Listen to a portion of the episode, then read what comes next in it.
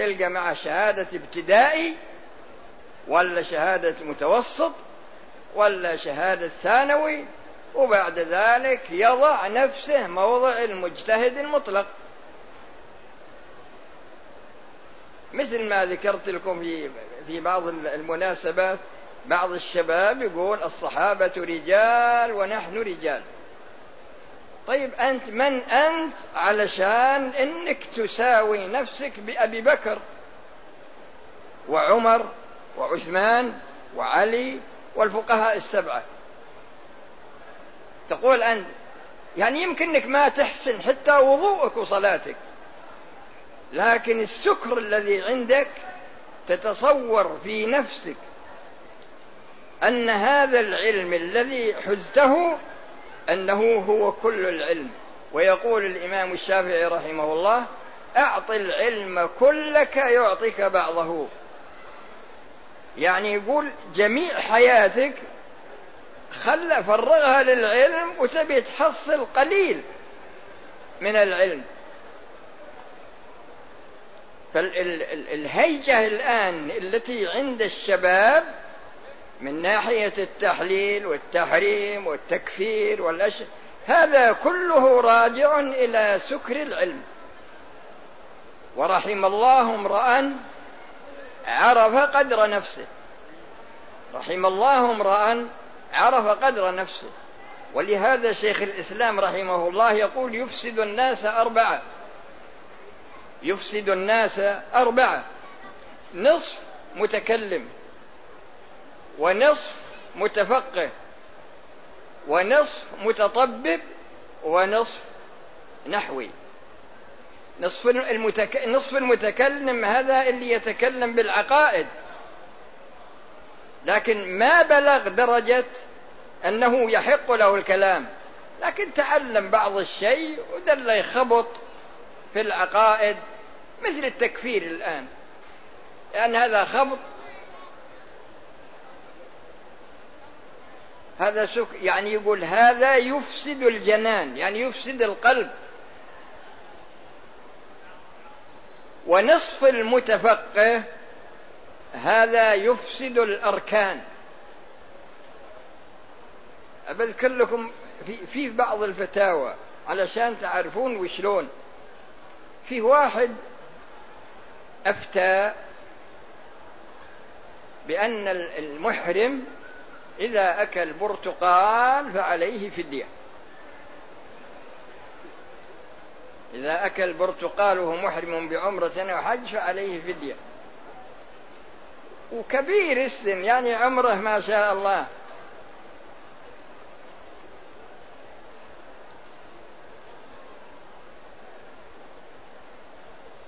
فسكر العلم هذا تجد إنه موجود مما يؤسف له عند كل شخص لا يعرف مقدار العلم من جهة والقدر الذي عنده من العلم من جهة أخرى.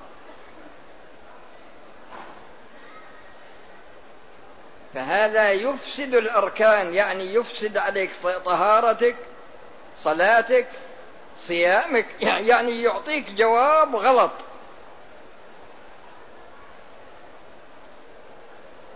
ونصف المتطبب يقول هذا يفسد الأبدان. يعني تجي لما الطبيب اللي نصف نصف متعلم للطب ويعطيك وصفة تقتلك. وإلا يعطيك وصفة ينشأ عنها أمراض في البدن. موجود هذا. ولا يقترح عليك إجراء عملية؟ لأن إجراءه العملية هذه يسجلها إذا كان يحضر دكتوراه ولا يحضر ماجستير ولا يحضر بحث ترقية وإلا يحضر يعني من أجل يحصل على بروفيسور. يجمع منها العالم ولا عليه مو مسؤول إلا منك مت. يهمه إنه يسوي عملية يسجلها يقدمها للجهة التي تمنحه الشهادة. هذا نصف المتطبب ولهذا تجد فيه نوعية من الأطباء عندما تأتي إليه ويفحصك ينصحك. يقول أنا نصيحتي لك أنك مثلا تروح إلى غيري. نصيحتي لك أنك ما تجري أي شيء. حسب الواقع الذي عندك انتظر شهر شهرين ثلاثة أشهر ومر علي. لكن بعضهم لا. بعضهم مثل الجزار حق الدبا حق الغنم والإبل والبقر. من يوم تجي لما يقول لازم عملية. هذا نصف المتطبب يفسد الأبدان. ونصف النحوي هذا يفسد اللسان. فيه رجل سأل رجلا قال ما فعل أبوك بحماره؟ قال باعه. قال لا قل باعه.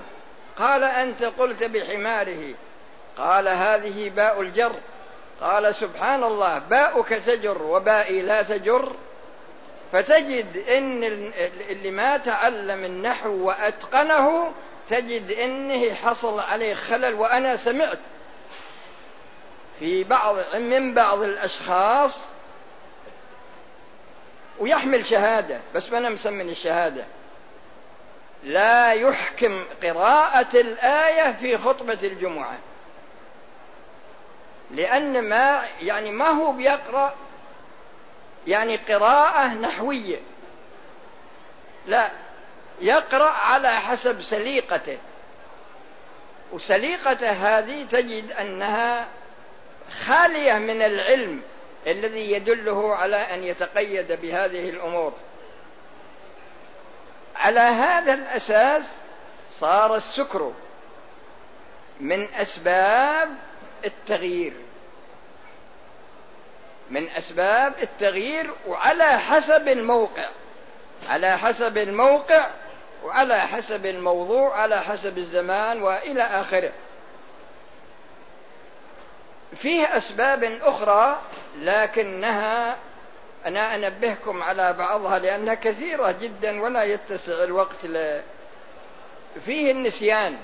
هذا تجد إن يحصل تغير. لكن قاعدة النسيان إذا حصل تغير قاعدة النسيان أنه ينزل المعدوم أنه ينزل الموجود منزلة المعدوم. ينزل الموجود منزلة المعدوم. ولا ينزل المعدوم منزلة الوجود ولا يترتب على صاحبه اسم. فشخص نسي وصلى خمسا هذه موجودة. فننزلها منزلة المعدوم. ونقول يسجد للسهو وصلاته صحيحة. لكن شخص صلى ثلاثة. كما وقع من الرسول صلى الله عليه وسلم حينما سلم قبل تمام الصلاة. فقالوا يا رسول الله أنسيت أم قصرت الصلاة؟ قال لم أنسى. يعني على حسب ظنه. لم أنسى ولم تقصر الصلاة. قالوا لا إنك نقصت ركعة. فسأل الصحابة قال هل هذا الكلام صحيح؟ لأن ذو اليدين هو اللي سأل قالوا نعم. فأتى بالركعة وسجد لسه فمن صلى الظهر ثلاثا ما نقول إن صلاته صحيح ترك الرابعة نسيانا. في الطواف يطوف خمسة أشواط ولا ستة وينسى السابع. فهذه القاعدة في النسيان إذا حصل تغير. فكما ذكرت لكم يعني ينزل الموجود منزلة المعدوم ولا ينزل المعدوم منزلة الموجود. وفيها تفاصيل كثيرة لكن ما لكم بها حاجة أنتم. الغرض انه سبب من أسباب التغيير وأن صاحبه لا إثم عليه وأن هذا هو أثر النسيان أثره في باب يعني في باب الأشياء الموجودة والأشياء المعدومة. ومن الأسباب أيضا الجهل. من الأسباب أيضا الجهل. يعني أن الإنسان يكون جاهل ويحصل منه تغييرات على نفسه أو على غيره بسبب الجهل. ولا يعرف إنه جاهل لا. ما يعرف إنه جاهل. لكنه جاهل جهل مركب. لأن الجهل قسمان. جهل بسيط وجهل مركب. فالجهل البسيط هو الذي لا يدري. يعني ما يدري يقول والله أنا ما أعرف الشيء هذا. تسأله يقول والله ما أدري. لكن الجهل المركب هو الذي لا يدري ولا يدري أنه لا يدري. تسأله ويعطيك الحكم من كيسه. فيحصل تغيير عن من ناحية الجهل من ناحية الجهل. فالشيطان وشياطين الإنس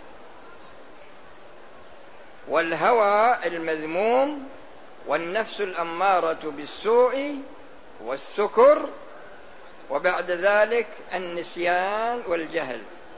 هذه سبعة أسباب وفيها كفاية في أسباب كثيرة لكن أنا أكتفي بهذه الأسباب وأسأل الله سبحانه وتعالى بأسمائه الحسنى وبصفاته العلى وباسمه الطيب الطاهر الذي إذا دعي به أجاب وإذا سئل به أعطى أن يجعل اجتماعنا هذا اجتماعا مرحوما. وتفرقنا تفرقا معصوما وأن لا يجعل فينا ولا منا شقيا ولا محروما وأن يتوفانا مسلمين ويحشرنا مع الذين أنعم الله عليهم من النبيين والصديقين والشهداء والصالحين وأن يجعلنا ووالدينا وجميع المسلمين من عتقائه وطلقائه في هذه من النار في هذه الليلة المباركة والسلام عليكم. ونأتي الآن إلى لا تسأل اكتب. لا تشغلني. لا. اكتب ورقة وأعطهم إياها. لأني لو استجبت لك قاموا العالم كله أعطوه ورقة. أعطوه أعطوه ورقة.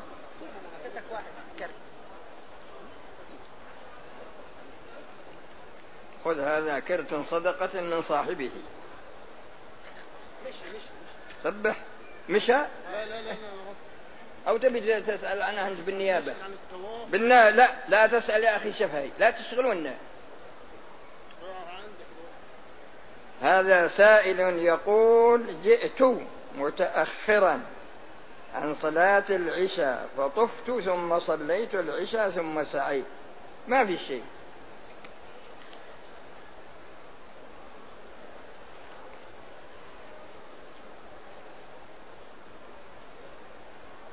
بعض الناس يرون وجوب تغطية الرأس في الصلاة. ما حكم؟ لا الرأس ليس من العورة لكن الله تعالى يقول يا بني آدم خذوا زينتكم عند كل مسجد. وأنت لو لو ذهبت تبي تقف أمام رئيسك مثلا تكون في أجمل صورة من ناحية اللباس. ولهذا بعض الناس تجيه تلقاه يجي يصلي الفجر ولا المغرب ولا تجيه يجي بثياب النوم ما ودك تصف بجنبه. من الرائحة الكريهة. لأن ما يبالي. لكن لو يروح لرئيسه ولا لصديقه لا. بعضهم حتى يتمكيج. يصلح نفسه يعني يصير يعني هيئة مقبولة في جسمه وهيئة مقبولة في لباسه. وهذا يسأل عن طواف العمرة لا ما ما, ما لها طواف واجب. يعني ما في طواف سبح. كم سألتني من مرة؟ ما هو لا. معلمك أنا يوم أجلس قلت لك ما في طواف وداع. ما حكم النشيد الوطني؟ والله أنا ما أعرفه اكتبه وعطني إياه وأشوف وأعلمك في الحكم.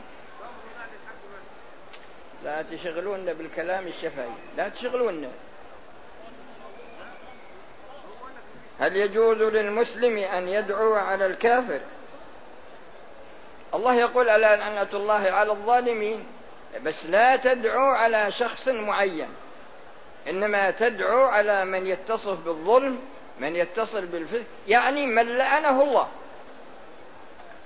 مثل الحديث الذي ذكرت لكم بالنسبة للراشي والمرشي كثير جدا جاء في السنة وجاء أيضا في القرآن اللعن لكن باعتبار الصفة لا باعتبار الذات. ولهذا في القرآن تجدون أن الله سبحانه وتعالى علق الأحكام بالصفات ونادر أنه يذكر شخص معين كما في قوله جل وعلا تبت يدا أبي لهب وتب ما أغنى عنه ماله وما كسب لكن عندك إن المسلمين والمسلمات والمؤمنين والمؤمنات وعندك التائبون العابدون الحامدون السائحون الراكعون الساجدون وعندك إن المنافقين في الدرك الأسفل من النار.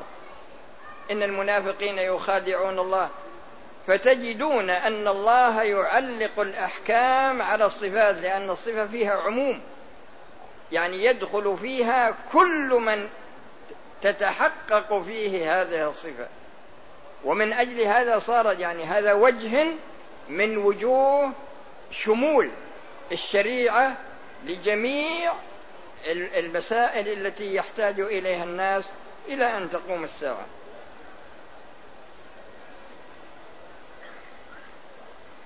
أم زوجتي متساهلة جدا جدا في الصلاة.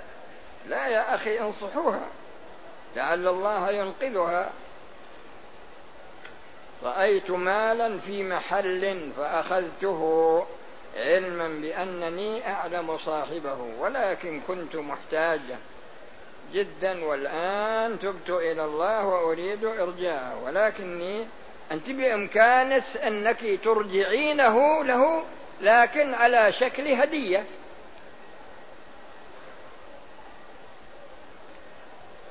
رجل تزوج من ابنتي وعند الخطبة سألته هل فيه أمراض؟ فقال لا. ثم بعد الزواج اتضح أنه يكذب وعنده مرض مزمن فهل لي الحق؟ نعم.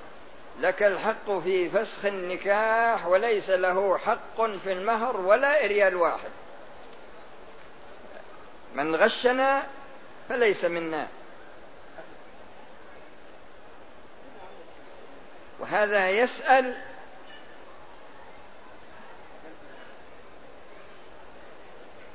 هل الله موجود في كل مكان؟ الله جل وعلا مستو على عرشه ثم استوى على العرش الرحمن. الجارية لما سألها الرسول قال لها أين الله؟ أشارت إلى السماء فقال أعتقها فإنها مؤمنة. لكن مع خلقه بعلمه. لا يخفى عليه شيء من أمر الخلق. أبذكر لكم مثال وقع في في عام سبع وأربعين ألف وثلاثمائة وسبع وأربعين. تعرفون أن البلاد هذه مستهدفة من قديم. والاستهداف هذا حسن فيه رجل في الحج في اليوم الثامن. كان معه بعض الإبل. والذي حدثني يقول سبع.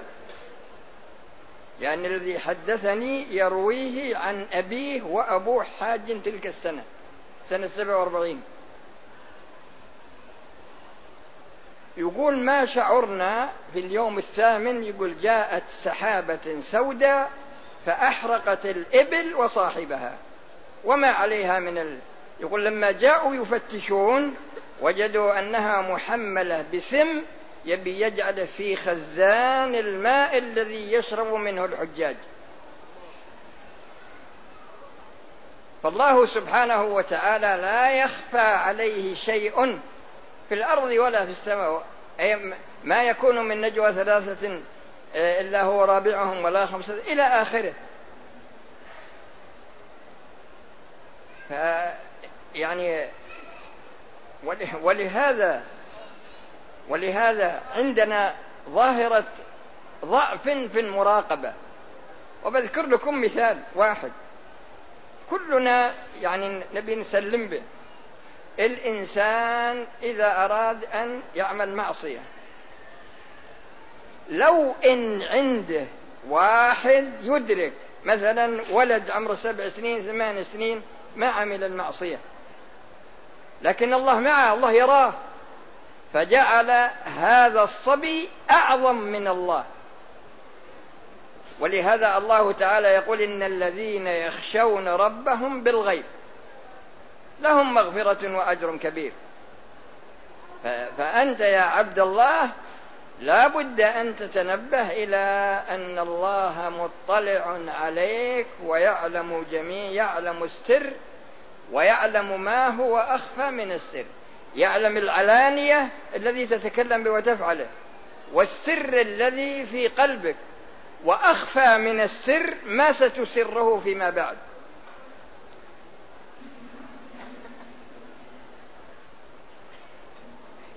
وهذا اللي يقول الله موجود في كل مكان بذاته هذا مذهب الحلولية. وهذا مذهب كفر لأنه ينافي ما دل عليه القرآن وما دلت عليه السنة وإجماع أهل العلم لأن الله مستوى على عرشه.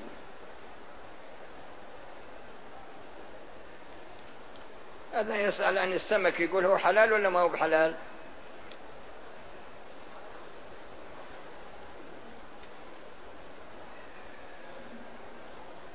كل هذا من جنس جنس هذا أيضا. ظاهر اللي يسأل يضع الأسئلة هذه شخص واحد لأن الخط واحد هذا أيضا نفس الشيء.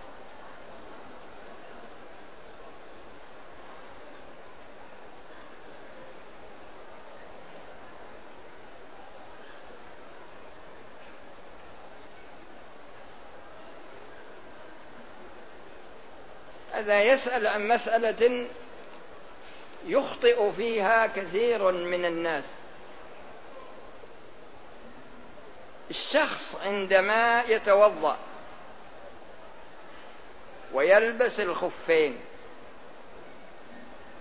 ثم ينتقض وضوءه ويتوضأ ويمسح على الخفين ثم يخلعهما. بعض الناس يستمر على طهارته الأولى. ولكن خلع الخفين أو خلع أحد الخفين هذا من مبطلات المسح.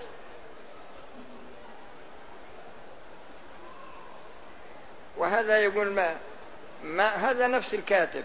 ما الواجب على المسلم تجاه ربه ونفسه وأهله؟ يا أخي تعلم الحقوق التي لك والحقوق التي عليك وكذلك الحقوق التي لله والحقوق التي لأهلك.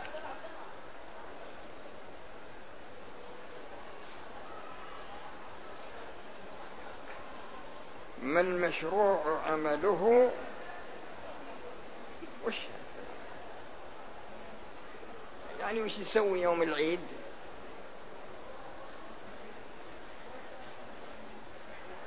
لقد أخذ كيس به مال زكاة من جيبي في الحرم بالأمس.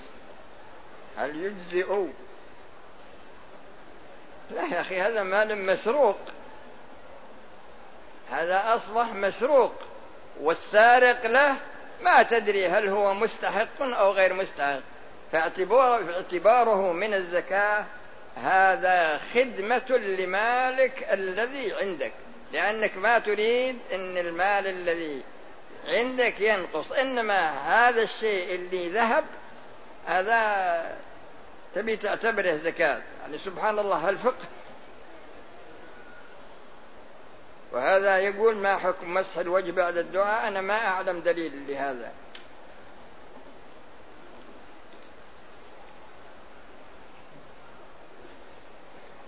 أنا نذرت أن أصلي خلف كل صلاة. صلاة فريضة فهل أصليها في حال السفر؟ هذا يرجع إلى نيتك. ويا أخي لا ترهق نفسك في النذر الله موسع عليك. لكن ما هذا يرجع إلى نيتك من ناحية التفسير. يعني فسر على حسب نيتك طبق على حسب نيتك. قابلت صديقا لي في الحرم وهو ممن يبيع الطيب فأوصيته أن يحضر لي. تولة بالحرم والمبلغ بعد العيد هذا لا يجوز. هذا بيع في حرم الله ما يجوز.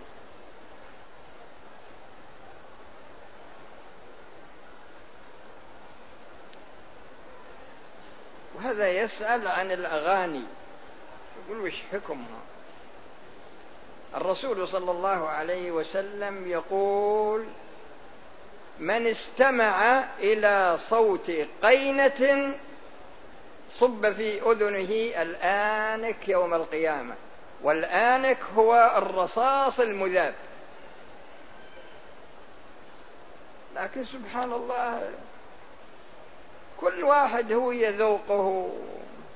أحد يتلذذ بسماع القرآن وأحد يتلذذ بسماع الأغاني. هام جدا. أو مهم رجل دخل مكة وتجاوز الإحرام أي الميقات يلبي للعمرة ويريد أن يعتمر وهو الآن في حيرة من أمره وما زال لم يعمل عمرته.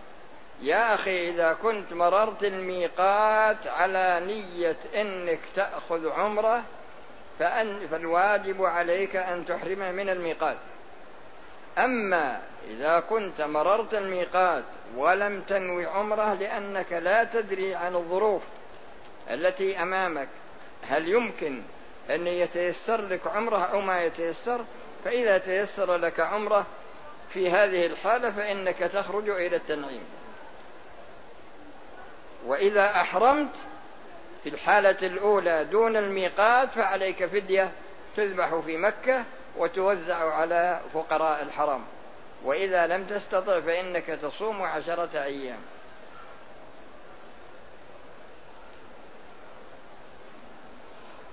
إيه هذا ملقوف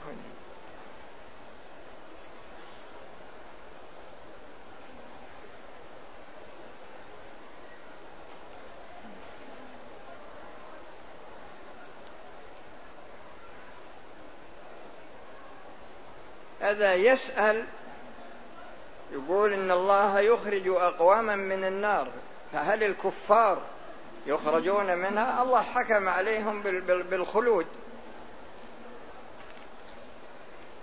شخص أفطر أو شخص أفطر أفطر شهرين بسبب المرض ولم يستطع أن يقضيهما بسبب الكبر. فإذا قرر قرر طبيبان أنه لا يستطيع في الوقت الحاضر ولا في المستقبل فإنه يطعم آه، تسعين كيلو هذا من جهة. ومن جهة أخرى لأنه ومن جهة أخرى هو أخر القضاء عن الوقت الواجب عليه فيكفر أيضا عن كل يوم أخره كفارة يعني كيلو ونصف. فمعنى هذا أنه ينفق مئة وثمانين كيلو. هذا بعد تقرير الأطباء. هل يجوز لي أن أعمل عمرة عن جدي؟ جزاك الله خير. بس لا تخرب والدك. عن من تأخذ لجدك. أما والدك إذا كان عائش وكان مستطيع لا تأخذ له.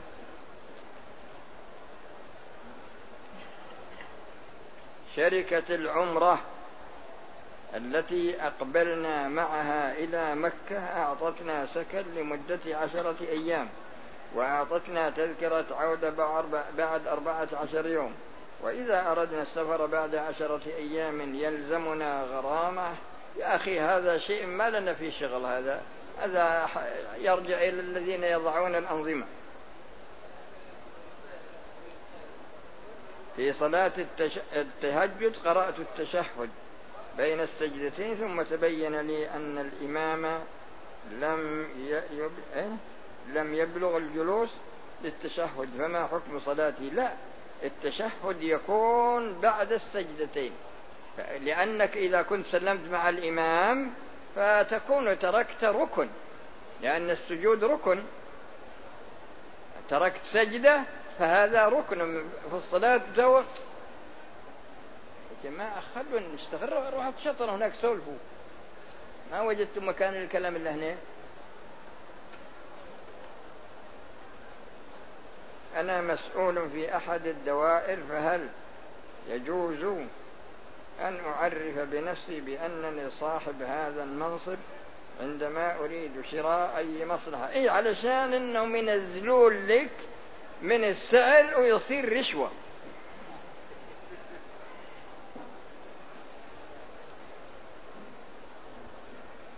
الرسول صلى الله عليه وسلم كان لا يعرف من بين أصحابه بمعنى أنه لم يتميز بميزة يعني ترفعه عن أصحابه. وأنت الحين تبي تنفخ روحك وأنا فلان بن فلان وعملي كذا نزل لي في السعر. وش هالكلام هذا؟ وهذا يقول وش حكم لعب الورق؟